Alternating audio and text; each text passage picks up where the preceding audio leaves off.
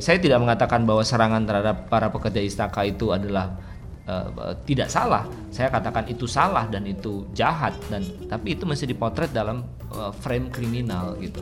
Kalau kriminal maka polisi yang mestinya hmm. masuk kan.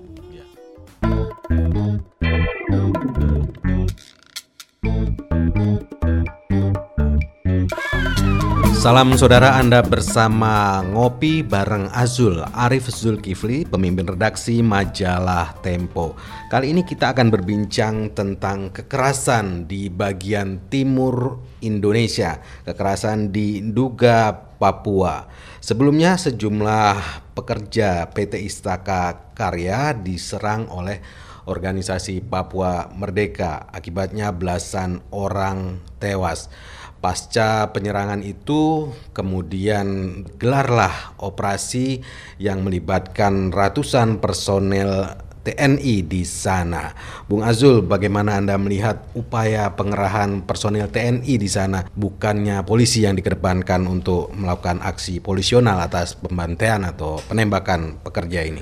Ya, uh, Bung Roni, sebetulnya sejak terjadinya insiden uh, penembakan terhadap para pekerja PT Istak Istaka itu kita sudah mulai mencemaskan kondisinya akan meningkat ekskalasinya menjadi sebuah operasi militer terbuka gitu ya.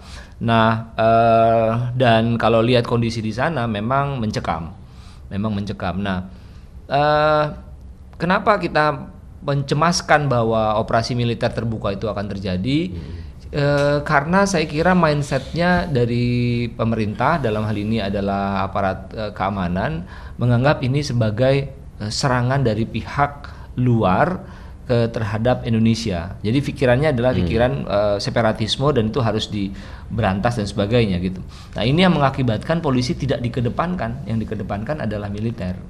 Padahal kalau melihat uh, beberapa kejadian serupa di Papua dan daerah-daerah uh, lain seperti uh, apa Aceh dan sebagainya, itu tindakan-tindakan militeristik sebetulnya tidak cukup efektif, hmm. tidak efektif untuk membuat kondisinya menjadi lebih aman. Uh, mestinya memang tindakan-tindakan polisional gitu. Jadi ini dianggap sebagai saya tidak mengatakan bahwa serangan terhadap para pekerja istaka itu adalah uh, tidak salah. Saya katakan itu salah dan itu jahat dan tapi itu mesti dipotret dalam uh, frame kriminal gitu. Kalau kriminal maka polisi yang mestinya hmm. masuk kan. Ya, sejumlah pegiat HAM di antaranya Theo Hasgem beberapa hari lalu meminta operasi ini dievaluasi lalu dihentikan karena dampaknya ada dugaan terjadi pelanggaran HAM baik yang dialami oleh pengungsi yang menjadi korban atau tempat-tempat ibadah yang dibakar. Apakah evaluasi ini bisa dilakukan karena jauh-jauh hari dari istana sudah bilang tindak terus begitu akan dikerahkan terus personil. Ya input kepada masukan kepada pemerintah tentu saja boleh-boleh saja tapi saya ngelihat memang uh, itu uh, sulit sekali untuk bisa diserap ya diterima gagasan-gagasan seperti itu karena sekali lagi laporannya adalah laporan hmm. bahwa ini adalah sebuah uh, gerakan ya. separatisme ya. begitu. Uh, di lain pihak saya juga uh, apa namanya bisa memahami kenapa tindakan bukan bisa memahami lah mengerti mengapa itu hmm. dilakukan karena sebetulnya polisi kita memang tidak cukup kuat untuk operasi-operasi lapangan uh, seperti perang terbuka dan hmm. sebagainya ya. Brimob kita itu belum sampai ke sana gitu. Ini gerilya soalnya Iya, ini ini ya. perang gerilya yang yang memang membutuhkan uh, eh, TNI. Tapi sekali lagi itu tidak menjustifikasi hmm.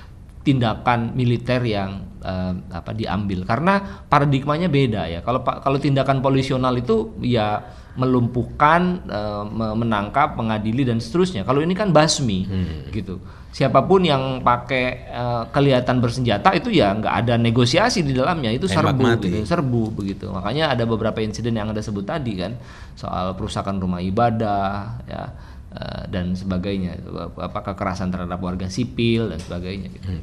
Ada beberapa operasi yang melibatkan TNI dan Polri misalnya Tinombala di uh, Sulawesi Tengah untuk memburu kelompok teroris Santoso. Tapi kelihatannya perannya masih kelihatan muncul polisi tapi di Papua ini tidak kelihatan peran polisi dalam operasi ini. Betul. Uh, saya kira ada ada persoalan bahwa polisi memiliki organ yang namanya Detasmen Khusus Anti Teror 88 hmm. kan. Jadi ketika dalam operasi di Poso ya polisi yang turun meskipun hmm. kita tahu di dalamnya juga ada keterlibatan dari uh, uh, militer atau TNI begitu tapi lead leadnya adalah uh, hmm. uh, uh, polisi gitu nah di dalam kasus uh, Nduga ini itu tidak terjadi nah yang yang patut kita sesalkan memang adalah korban atau e, terjepitnya para warga sipil yang hmm. ada di hmm. sana ya. Nah ini yang kita coba telusuri dan kita masuk e, wartawan kami itu Pramono itu e, sudah di sana sejak dua minggu lalu karena kita lihat ini satu persoalan yang serius gitu di tengah hingar-bingar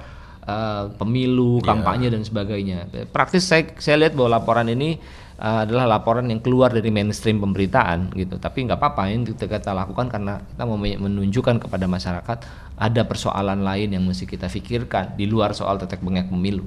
Iya, kelihatannya yang harus dikedepankan faktor kemanusiaan ya bagaimana warga yang terpaksa mengungsi ini bisa kembali beraktivitas dan aman. Ini apakah dipikirkan oleh kedua pihak yang bertikai ya kelihatannya masing-masing bersikeras untuk perang terbuka. Iya, kalau itu sih kalau kalau paradigma sudah perang terbuka ya tidak ada pikiran untuk hmm. menyelamatkan warga sipil atau mengamankan mereka terlebih dahulu. Memang harus ada lembaga-lembaga lain di luar eh, kelompok yang bertikai untuk mengambil inisiatif gitu dan di situlah menurut saya pemerintah pusat harus mengintervensi uh, untuk bisa masuknya kelompok-kelompok kemanusiaan itu Ya, bagaimana dengan status Papua sebagai daerah yang menyandang otonomi khusus? Kelihatannya pemerintah daerah tidak punya cukup kekuatan untuk atau bargaining lah terhadap uh, apa pemerintah pusat untuk menyelesaikan konflik di Nduga ini? Ya otono, otonomi khusus untuk Papua ini kan tidak meliputi segala aspek ya, ya tapi uh, aspek keamanan tentu saja mereka nggak bisa hmm. gitu. Jadi memang harus ada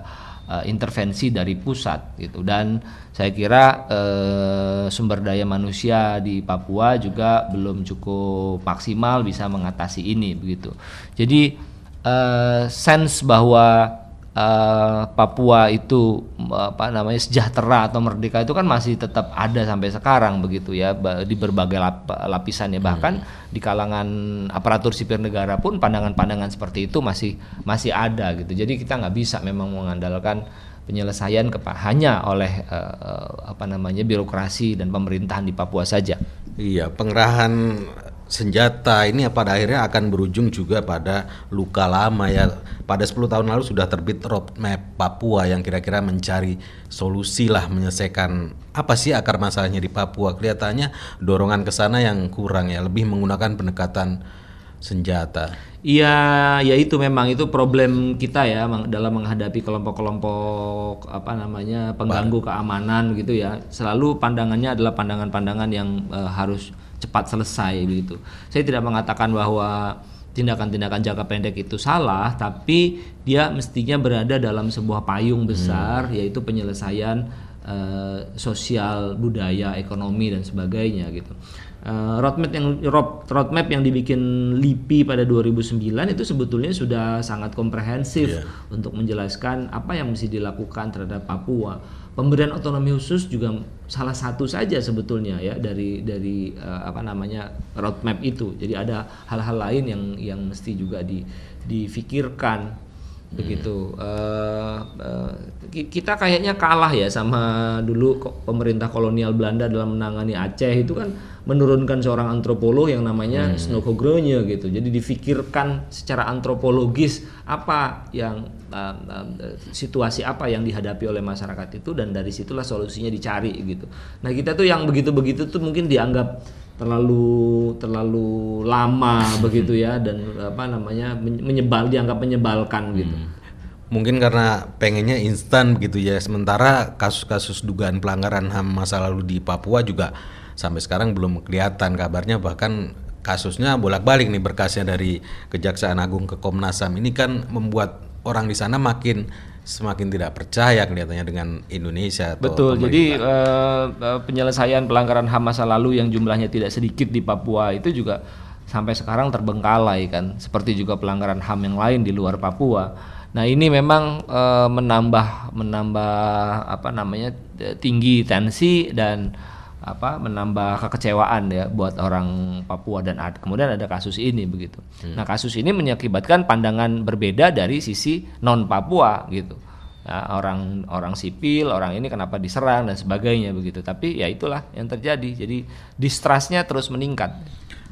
Kalau begitu mestinya lewat mana ya? Kalau misalnya mengundang pihak lain dari luar ke Indonesia katakanlah untuk menjadi semacam mediator, kelihatannya akan disulit diterima oleh pemerintah. Sementara keinginan untuk pro M atau merdeka ini ya makin lama makin Sebetulnya kencang. pemerintahan Jokowi itu punya modal moral buat saya ya, punya modal moral untuk menyelesaikan kasus Papua. Kita ingat dulu di era kampanye Jokowi itu pertama kali daerah yang dia datangin Datang. adalah Papua dia juga menyebut bahwa ibu negara Iriana itu berasal dari kata Irian hmm. begitu. Jadi uh, attachment dengan orang Papua itu sebenarnya tinggi sekali gitu. Tapi ya sangat disayangkan bahwa modal sosial dan modal moral itu tidak tidak dipakai dan apa saya kira mungkin tenggelam ya di antara informasi-informasi lain yang di, diperoleh uh, uh, presiden uh, dalam hal ini begitu. Jadi jadi uh, sekali lagi sebetulnya mereka punya punya modal moral untuk hmm. menyelesaikan Papua. Hari ini kelihatannya Presiden kalau tidak salah jadwalnya ke Abipura melihat uh, pengungsi di sana yang korban banjir. Apakah kira-kira desakan ini bisa disampaikan gitu ya supaya jangan-jangan memang ada orang-orang di sekitarnya yang melindungi informasi-informasi semacam ini ya. Ya boleh jadi ya, boleh jadi nggak lengkap informasinya hmm. yang diperoleh presiden gitu. Saya punya punya keyakinan sebetulnya dia punya spirit punya guts untuk untuk mengambil uh, satu tindakan tertentu gitu. Selama ini orang kan selalu mengatakan bahwa presiden itu mencela mencelit uh, apa namanya tidak tegas gitu. Hmm. Tapi kalau saya lihat dari beberapa kasus sebetulnya dia orang yang decisive gitu. Hmm. Asal informasinya itu uh, utuh dan lengkap. Nah, mendapatkan informasi yang utuh yang lengkap ini yang kayaknya yang masih punya problem nih. Padahal bisa digunakan rujukan hasil penelitian LIPI itu ya untuk Betul. menyelesaikan masalah di Papua. Belum. Dan lagi saya kira juga ada masalah bahwa pandangan bahwa ini bukan sesuatu yang mesti diprioritaskan itu loh ada ada pandangan seperti itu di tengah problem bangsa yang begitu banyaknya begitu hmm. jadi itu selalu ditempatkan dalam ranking yang kesekian gitu ini juga uh, pandangan yang menurut saya salah baik saudara itu tadi perbincangan kita tentang kekerasan di Papua dalam ngopi bareng Azul Arif Zulkifli pemimpin redaksi majalah Tempo. Kita jumpa lagi di lain kesempatan saya Roni Sitanggang. Salam